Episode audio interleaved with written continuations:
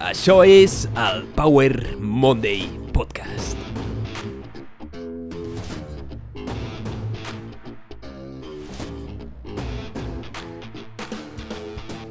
Benvinguts al Power Monday Podcast. Soc en Pau, el teu apassionat de fitness, inspiració i ciència. Espero que hagis passat una setmana increïble. Si et digués que hi ha una cosa que només fent-la 10 minuts al dia pots disminuir l'ansietat, l'estrès, la depressió, lluitar contra l'envelliment, millorar la teva atenció i la teva memòria, ho faries? I a més a més, si et digués que això és gratis, ho pots fer servir a qualsevol lloc i a qualsevol moment, ho faries o no? T'estic parlant de la meditació, potser la pràctica més important de la teva vida. I d'això parlarem avui, de mites i beneficis de la meditació. I queda't fins al final perquè farem una meditació guiada. Som-hi! Aprendre a controlar la ment és deixar anar. No explotar, no sobrecontrolar, sinó deixar anar. Aquesta és una frase de Wim Hof que diu així Learning to control the mind is letting go, not overtaking, exploiting or controlling. Una frase molt interessant. Porto uns anys meditant de manera més o menys constant, entre uns 10 i 15 minuts al dia. Però recentment he sigut molt més constant. Sense fallar, he fet meditacions d'una hora al dia i he parlat amb molta gent i he recopilat molta informació sobre la meditació. I la veritat és que la meditació té un problema d'imatge. L'opinió general de la gent és que meditaria, però no sé meditar, no em sé estar quiet, no tinc temps i és molt pesat i avorrit. Així que en aquest episodi compartiré amb tu alguns mites sobre la meditació, alguns consells sobre com fer-la millor, una meditació guiada al final i tots els beneficis que ha demostrat la ciència.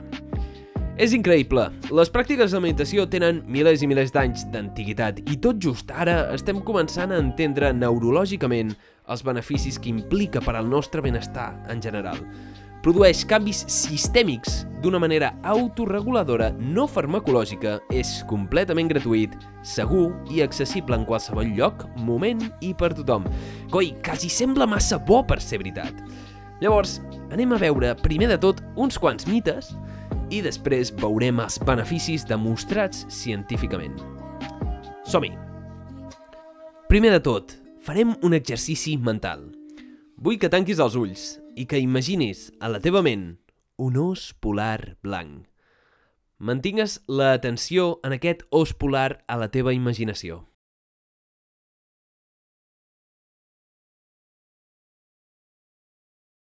Val. Ara, obre els ulls. I aixeca la mà si has tingut algun pensament que et distragués mentre pensaves en l'os polar en qualsevol moment. Un pensament que t'hagi distret. I sé que no et veig quan aixeques la mà, però és una cosa figurada. Eh? Ja, ja, ja et veig, et veig, et veig a l'altra banda. Llavors, ara torna a tancar els ulls i aquesta vegada vull que deixis la ment fer el que vulgui. Pensar en el que vulgui mentre no pensis en un os polar blanc. Facis el que facis, no pensis en un os polar blanc. És molt important. Així que som-hi. Deixa que la teva ment pensi.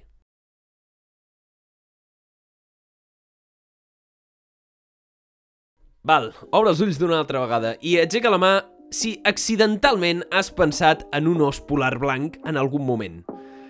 I ara aixeca l'altra mà si has pensat només en un os polar blanc. Això em porta al primer mite d'avui, el primer mite de la meditació, i és el següent. Soc un mal meditador si no puc fer callar la meva ment.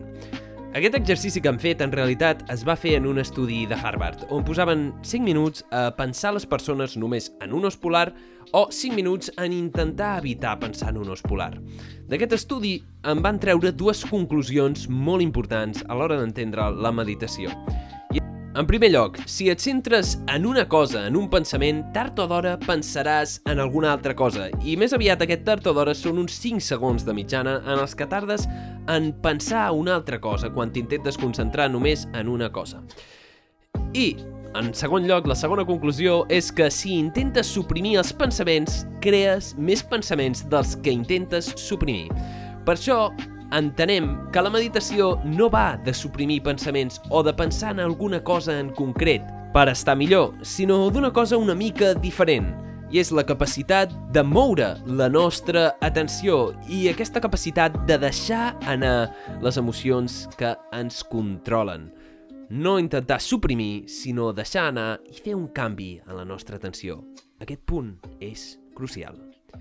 Abans d'anar a per al mite número 2, deixa'm que t'expliqui molt ràpidament què és això de la meditació. La meditació, o mindfulness, que és la pràctica més estudiada en aquest sentit, és una pràctica que es basa en posar l'atenció en una part del cos, normalment la respiració i les seves sensacions canviants. Quan la ment sigui distreta, i ho serà per pensaments, emocions o sensacions, l'individu ha de reconèixer això deixar-ho anar sense jutjar-ho intel·lectualment i tornar a posar l'atenció novament a la respiració. És un procés repetit i a tots ens passa. Ningú és capaç de meditar completament en calma sense que alguna mena de pensament, emoció o sensació li passi per la ment. Així que l'exercici, en aquest sentit, és anar movent l'atenció d'un lloc a l'altre. Així que ara anem a per al mite número 2. Aquest mite consisteix en creure que existeix una sola manera correcta de meditar, i això és completament fals. I no, no cal que seguis com un monjo amb les cames creuades i fent així amb els dits i fent om, ja que existeixen moltes tècniques diferents de meditació, però totes tenen el mateix objectiu final, aguantar la pau interior i el benestar. N'hi ha que les pots fer amb els ulls oberts, caminant, etc. La clau d'aquest mite és entendre que no cal fer-la perfecta, la meditació, sinó de fer-la. És com anar al gimnàs, no cal que facis les millors repeticions de la teva vida i que facis l'entreno perfecte. Simplement que hi vagis, i que hi vagis continuadament i a llarg termini. Això em porta a explicar les bases neurològiques de la meditació, i això és molt important, perquè el cervell és una mica com un múscul. La veritat és que qualsevol cosa que facis repetides vegades pot alterar l'estructura del teu cervell. Fins fa poc es pensava que l'estructura del cervell no era canviable, no era adaptable, però ara estem veient que sí, que tenim molta més neuroplasticitat de la que es pensaven. Quan estimulem diferents vies neuronals a mesura que repetim un pensament o una acció, augmenta la mielina que es diposita en els axons i també s'estimula la formació de noves neurones. Així facilitem que aquest estímul, repetit que hem repetit molts cops, segueixi aquesta via neural més fàcilment. Perquè ho entenguis, et posaré un exemple molt fonamental.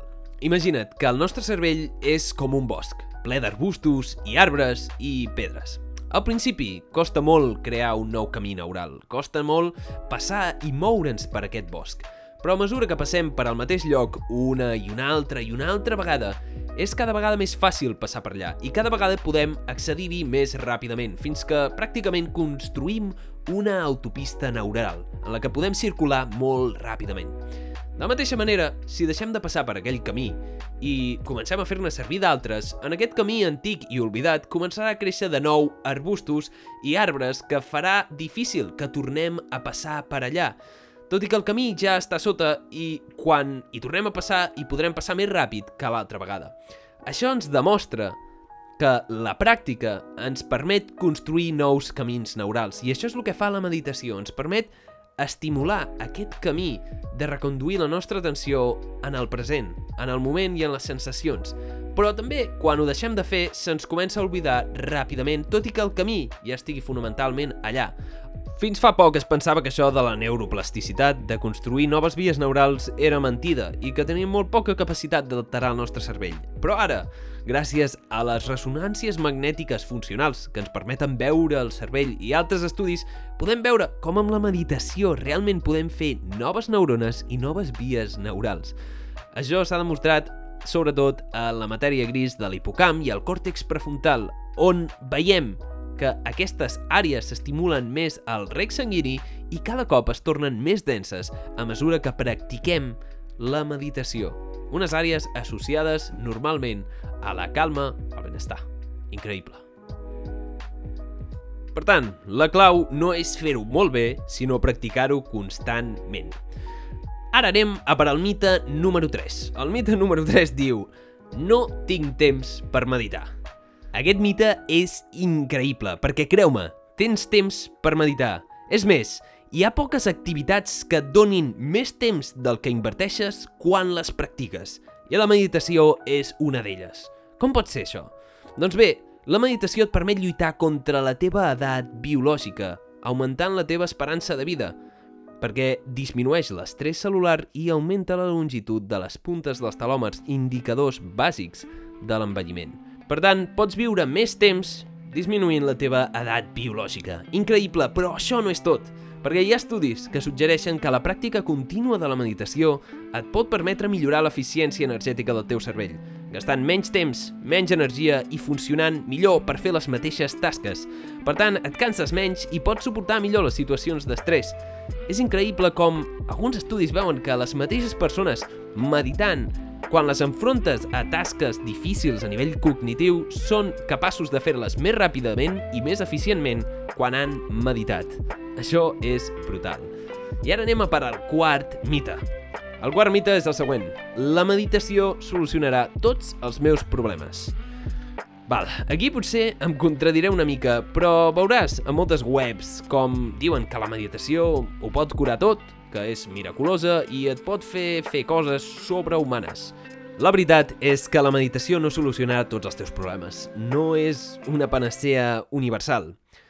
La idea és que la meditació és una eina que et pot permetre solucionar-ne molts de problemes, però està clar que no els solucionarà tots. A més a més, existeixen moltes tècniques diferents de meditació o visualització i a vegades es contradiuen i són diferents. A més, també tenim estudis que tenen un protocol inadequat o que segueixen unes variables molt poc concretes i sempre esbiaixats cap al factor positiu que té la meditació. El cas és que tenim milers i milers d'anys d'història que confirmen els beneficis de la meditació i molta evidència que també confirma molts beneficis que et parlaré més endavant sobre la meditació, però no et curarà tots els teus problemes. Aquesta és la distinció, perquè si no, Normalment anirem amb la meditació tenint unes expectatives errònies del que ens pot oferir. I normalment, quan anem així, després fa que pensem que la meditació no serveix per res. I això també és incorrecte. I ara anem a per al mite número 5, i és el següent. L'èxit en la meditació es basa en la calma de la meva ment. Això és un mite, i és que moltes vegades no sabràs que has triomfat en la meditació. Moltes vegades et preguntaràs si la meditació t'ha servit de res en primer lloc. La idea és no anar a meditar esperant alguna cosa a canvi. I és que no sabem quantes coses es poden prevenir meditant. Sí que sabem que hi ha molts estudis en els que demostren intervenció, com poden disminuir l'ansietat i la depressió in situ, però a vegades la meditació simplement és com si no servís de res. Però Realment, el que està fent és crear aquestes vies neurals de les que parlava abans i et fa més resistent en moments d'estrès i en moments tensos. Et fa resistent a aquests moments de tensió. 10 minuts de meditació cada dia i seràs més eficient, cultivaràs pau interior, felicitat i aportaràs consciència col·lectiva que aquells que t'envolten aportaràs una millor versió de tu mateix. Així que deixa que la meditació expressi la millor versió de tu mateix. Llavors, dit aquests 5 mites molt importants, anem a analitzar els beneficis demostrats científicament que té la meditació. Primer de tot, la ciència ha demostrat que ens ajuda a construir els quatre pilars fonamentals d'una ment saludable. Aquests són la consciència, que és bàsicament ser capaços de centrar l'atenció i evitar la distracció, ser conscients de què fem aquí, què, què està passant, quin és el present. En segon lloc tenim la percepció, i és canviar la relació amb la narrativa que tenim de nosaltres mateixos i el conjunt de pensaments, és a dir, veure realment què ens està passant, en tercer lloc, tenim el propòsit, tenir una direcció clara, saber cap a on estem anant, tenir com una mica un sentit vital i, en cinquè lloc, ens ajuda a millorar la nostra connexió, nodrint les nostres relacions interpersonals, millorant la nostra relació d'apreciació, compassió i amabilitat. Ens dona aquestes habilitats i ens prepara per fer front a la vida. Això es tradueix en molts i molts i molts estudis que han demostrat que la meditació és efectiva per l'ansietat, la depressió i l'estrès. Amb l'epidèmia de salut mental que estem vivint avui en dia, no podem ignorar aquest benefici, i és que el suïcidi és la segona causa de mort en els joves dels 15 als 35 anys, sobretot derivat de trastorns mentals, com els que he dit. Hi ha estudis increïbles que demostren com en persones meditant tan sols 20 minuts de pràctica són capaços de millorar l'ansietat i la depressió i l'humor general entre un 20 i un 30%. I en molts casos, l'eficàcia és superior a un ansiolític o un antidepressiu. Imagina't una pràctica continuada d'això. Una pràctica continuada on meditis 20 minuts al dia. Una pràctica que ha demostrat en metaanàlisis com meditar cada dia és quasi tan efectiu per depressió recurrent com algun antidepressiu. Això és increïble i això ens fa pensar, perquè tots els medicaments tenen efectes adversos seriosos i la meditació, en canvi, no en té. És gratuïta i accessible per tothom. Per tant, potser hem de portar més consciència en el poder que té la meditació per lluitar contra els trastorns mentals. I l'evidència és clara. Els beneficis són increïbles. En segon lloc, la ciència ens ha demostrat que la meditació millora el nostre temps d'atenció. En aquesta vida de hiperestimulació, on busquem dopamina constantment i tenim menys atenció que mai, l'habilitat d'estar concentrat és molt valuosa. I la meditació demostra que per al procés reiteratiu de redirigir l'atenció augmenta el nostre temps d'atenció i ens permet fer les tasques més concentrat i més centrat perquè ens porta més al present. Per l'altra banda, també millora la retenció de memòria. Ens permet memoritzar més fàcilment informació i això també és crucial per moure's en aquest món. Un altre efecte, demostrat científicament que jo he pogut experimentar amb la meva pròpia pell, és que la meditació t'ajuda a controlar el dolor i et permet disminuir la percepció del dolor tan agut com crònic. La meditació pot ser una eina imprescindible per a aquells que pateixen dolor crònic, dolor en el que pateixes diàriament, cada dia – amb la meditació podem reprogramar una mica el nostre sistema nerviós, disminuint la percepció del dolor, perquè al final el dolor està en el cervell, no està en el cos. I podem controlar aquestes percepcions.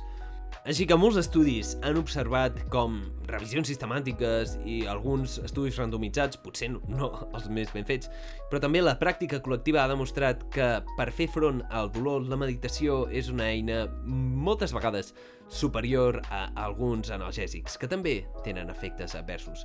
Així que hauria de ser prioritari practicar primer la meditació abans de començar-se a medicar o combinar els dos per portar una vida lliure de dolor que és una vida molt millor.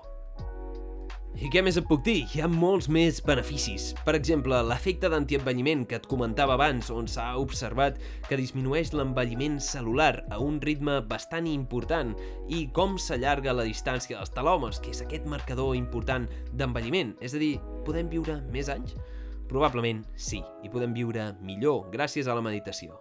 Un altre exemple de benefici de la meditació és que disminueix la pressió arterial, un dels marcadors principals en la primera causa de mort al món. Les malalties cardiovasculars. Les morts cardiovasculars depenen també de la pressió arterial i molts més beneficis perquè no podria acabar de dir-te tots els beneficis que ha demostrat. La quantitat d'estudis i anys d'història que valen aquests beneficis és increïble.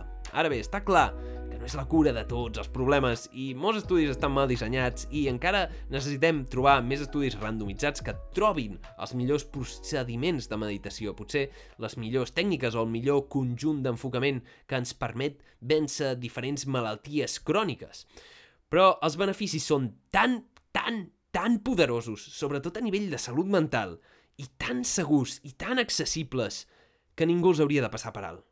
Que ningú de, hauria de deixar de passar aquesta oportunitat de meditar diàriament. I és una cosa molt senzilla. Són 10, 15 minuts, 20 minuts al dia en els que inverteixes. És com fer una inversió a llarg termini i que saps, saps que d'alguna manera o altra tornarà. La meditació és molt agraïda i, com deia al principi, no es tracta de controlar els teus pensaments, no es tracta d'explotar la meditació. L'objectiu de la meditació no és controlar els teus pensaments, sinó parar de deixar que els teus pensaments et controlin, que controlin la teva vida. El teu objectiu no és lluitar contra la ment, no és suprimir, sinó ser testimoni de la ment, observar-la i portar l'atenció al teu cos. Aprendre a controlar la nostra ment per viure en pau amb nosaltres mateixos i la nostra existència és probablement l'èxit veritable. I és que qui no voldria ser capaç de controlar les seves emocions i viure lliure d'ansietat i depressió innecessària? La meditació és un petit esforç diari que pot canviar la teva vida completament. Per tant, com sempre, en cada episodi tinc una pregunta per tu. Et perdràs tots els beneficis de la meditació? Perdràs l'oportunitat de millorar-te amb una petita inversió que és 10 minuts al dia o 15 de meditar. Entrenaràs la teva ment per arribar a expressar la teva millor versió de tu mateix en aquest món? I aquestes són les preguntes d'aquest episodi i això és tot per aquest episodi, però no te'n vagis, perquè ara, com t'he promès, vindrà una meditació guiada d'uns 10 minuts per lluitar contra l'estrès que et recomano moltíssim que facis i si estàs conduint, la pots fer més tard. Així que som-hi!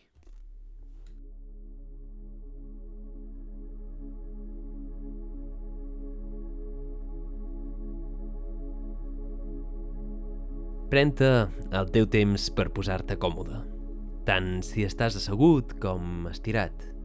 Simplement començarem amb els ulls oberts, agafant el teu entorn amb una lleu atenció, simplement observant l'espai sense analitzar-lo. No importa què ha estat passant, no importa amb què està estressada la teva ment ara mateix, no importa com es sent el teu cos. Ara mateix Deixa anar tot això, almenys per un moment, i centra't en l'espai al teu voltant. Sense moure els ulls, sense analitzar. I ara començarem amb unes respiracions, inspirant pel nas i expirant per la boca. Mentre inspires, nota com s'expandeixen els teus pulmons, agafant aire fresc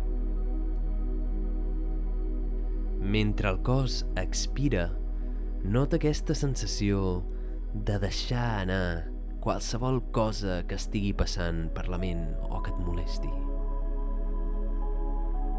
I inspirant pel nas. I mentre expires, aquest cop, simplement deixa que els ulls es tanquin. Sentint el pes del cos apretant cap avall, el contacte, la superfície sota teu. La ment, probablement, estarà una mica ocupada si ha estat estressada. Simplement deixa que la ment faci el que vulgui, sense intentar pensar-hi, sense intentar aturar els pensaments, Tu, ara mateix, deixa que la ment faci de les seves, mentre portes tota la teva atenció al teu cos. Adonant-te si el teu cos es sent pesat o es sent lleuger ara mateix. Es sent cansat o descansat.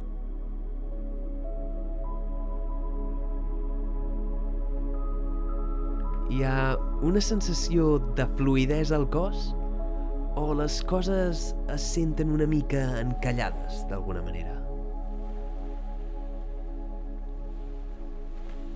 Sense pensar-hi, simplement donant-te compte de les sensacions del teu cos. I començarem des de la punta del cap a escanejar el nostre cos de dalt a baix. Si la ment ha estat molt ocupada, potser és una mica difícil escanejar el cos a poc a poc. Si vols, pots accelerar-ho i analitzar-lo múltiples vegades de dalt a baix. Com es sent el teu cos? Nota què es sent còmode i què es sent incòmode.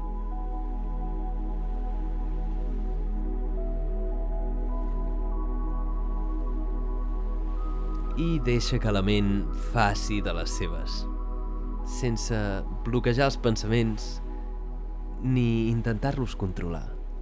Mentrestant, tu porta tota l'atenció al teu cos.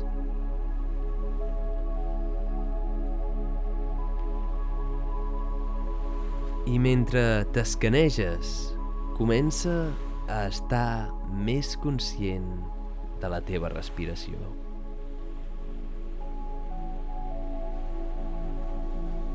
Si et sents còmode, pots agafar la teva mà i posar-la al teu estómac o al teu pit,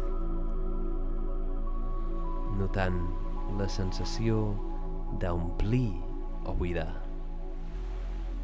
Farem servir això com un lloc perquè la teva ment descansi, un lloc on descansar la teva atenció, mentre els pensaments venen i van. Deixa que vinguin i vagin. En el moment en el que t'adonis que estàs atrapat pels pensaments, simplement etiqueta mentalment això i adona't, oh, estic pensant. I després tornes l'atenció a la respiració. Tant si és una sensació física o emocional. Oh, una sensació. I tornes l'atenció a la respiració una altra vegada.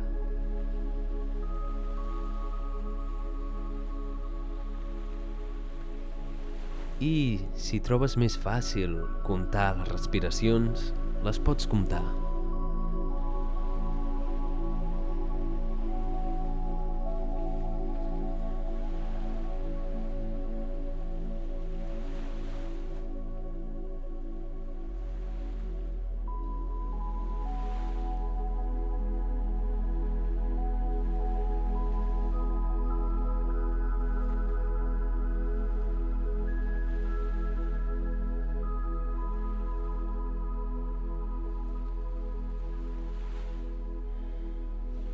Donant a la ment molt espai.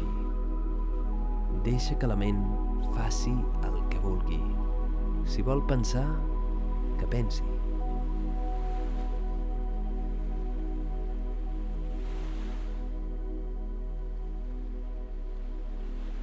L'únic moment en el que has de redirigir la teva atenció és si has perdut completament l'atenció en la respiració o has tingut alguna distracció. Nota si és una sensació o un pensament, nota'l, deixa-la anar i torna a la respiració una altra vegada. A aquesta sensació d'omplir i buidar.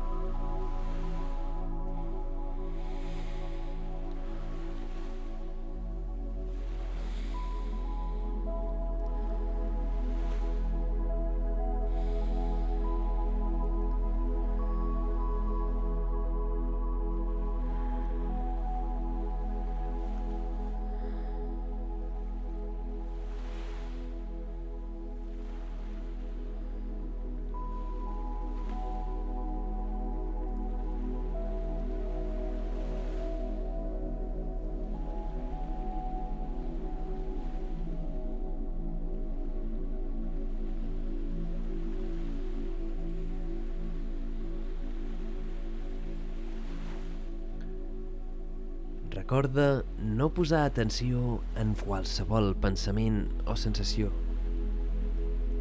Deixa'ls anar i torna a la respiració.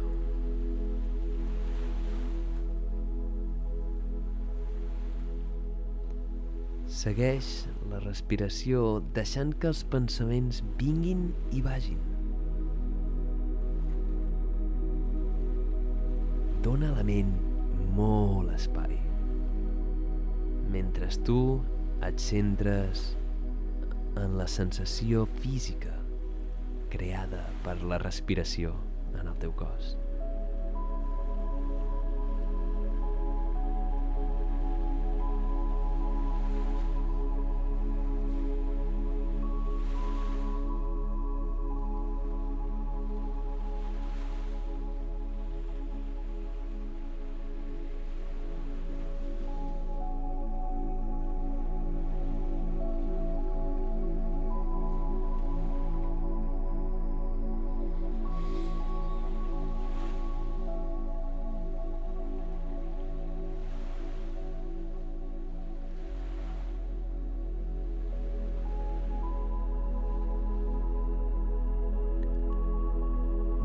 Deixa que la ment pensi.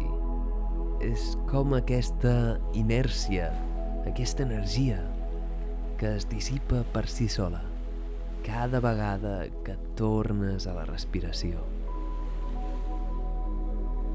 I nota aquest moviment físic, com t'expandeixes i et contraus.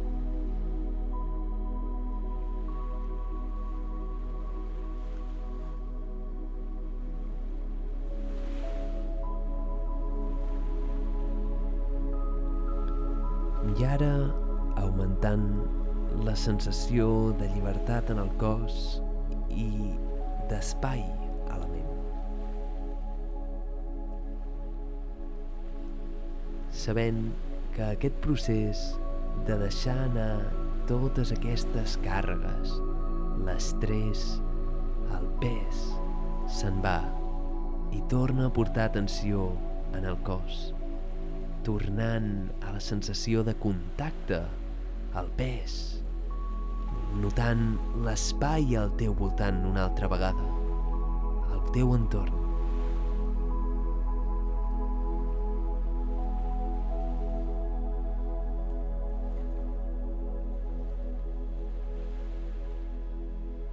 I quan et sentis preparat, a poc a poc pots obrir els ulls una altra vegada.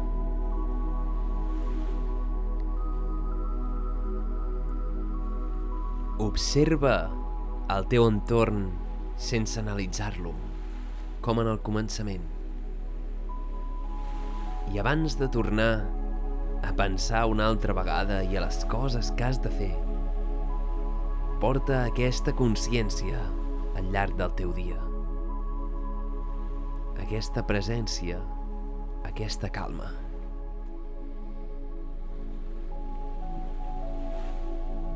Et felicito per haver fet aquesta meditació i et desitjo un molt bon dia. Que la pau sigui amb tu. Namaste.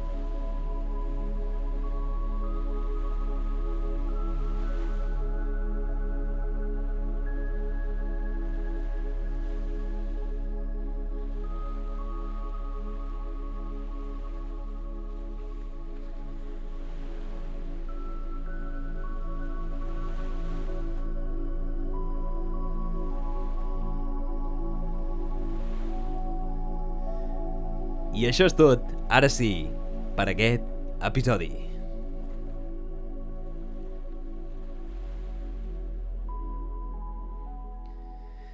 Ei, moltíssimes gràcies per haver escoltat aquest episodi. Espero que t'hagi agradat molt o t'hagi aportat una mica de valor. Recorda, si t'ha agradat, si us plau, posa'm follow a Spotify, me gusta, a les xarxes que em puguis posar me gusta i, sobretot, si trobes útil aquest episodi, comparteix-lo amb les persones que creguis que se'n poden beneficiar. La veritat és que em fas un gran favor. Estic molt agraït que hagis arribat fins al final d'aquest episodi, un episodi super important en el que comparteixo amb tu potser l'eina més important per la teva salut mental. Realment espero que no t'estiguis perdent tots aquests beneficis d'aquesta eina accessible, barata, que la pots fer en qualsevol moment, que et pot donar temps, que et pot allargar l'esperança de vida. Una eina brutal. Espero que no t'estiguis perdent aquests beneficis i que no estiguis renunciant a viure el màxim potencial que portes dins teu gràcies a la meditació. A la descripció d'aquest episodi pots trobar, com sempre, tots els estudis i fonts que faig servir per elaborar aquests podcasts. Com sempre, et desitjo una setmana èpica, llegendària, plena de pau interior i creixement. Que siguis la millor versió de tu mateix. I ens veiem en el pròxim episodi. Ciao. Om... Om... Vale, estic meditant. Eh, poca broma, poca broma amb aquests oms, eh, que tenen el seu interès, augmenten la, la producció d'òxid nítric. Atenció! Si pots, fes-me un favor aquesta setmana. Medita cada dia. Medita cada dia 10 minuts. I mira com la teva manera de veure el món canvia. És increïble. Molt bona setmana. Ciao.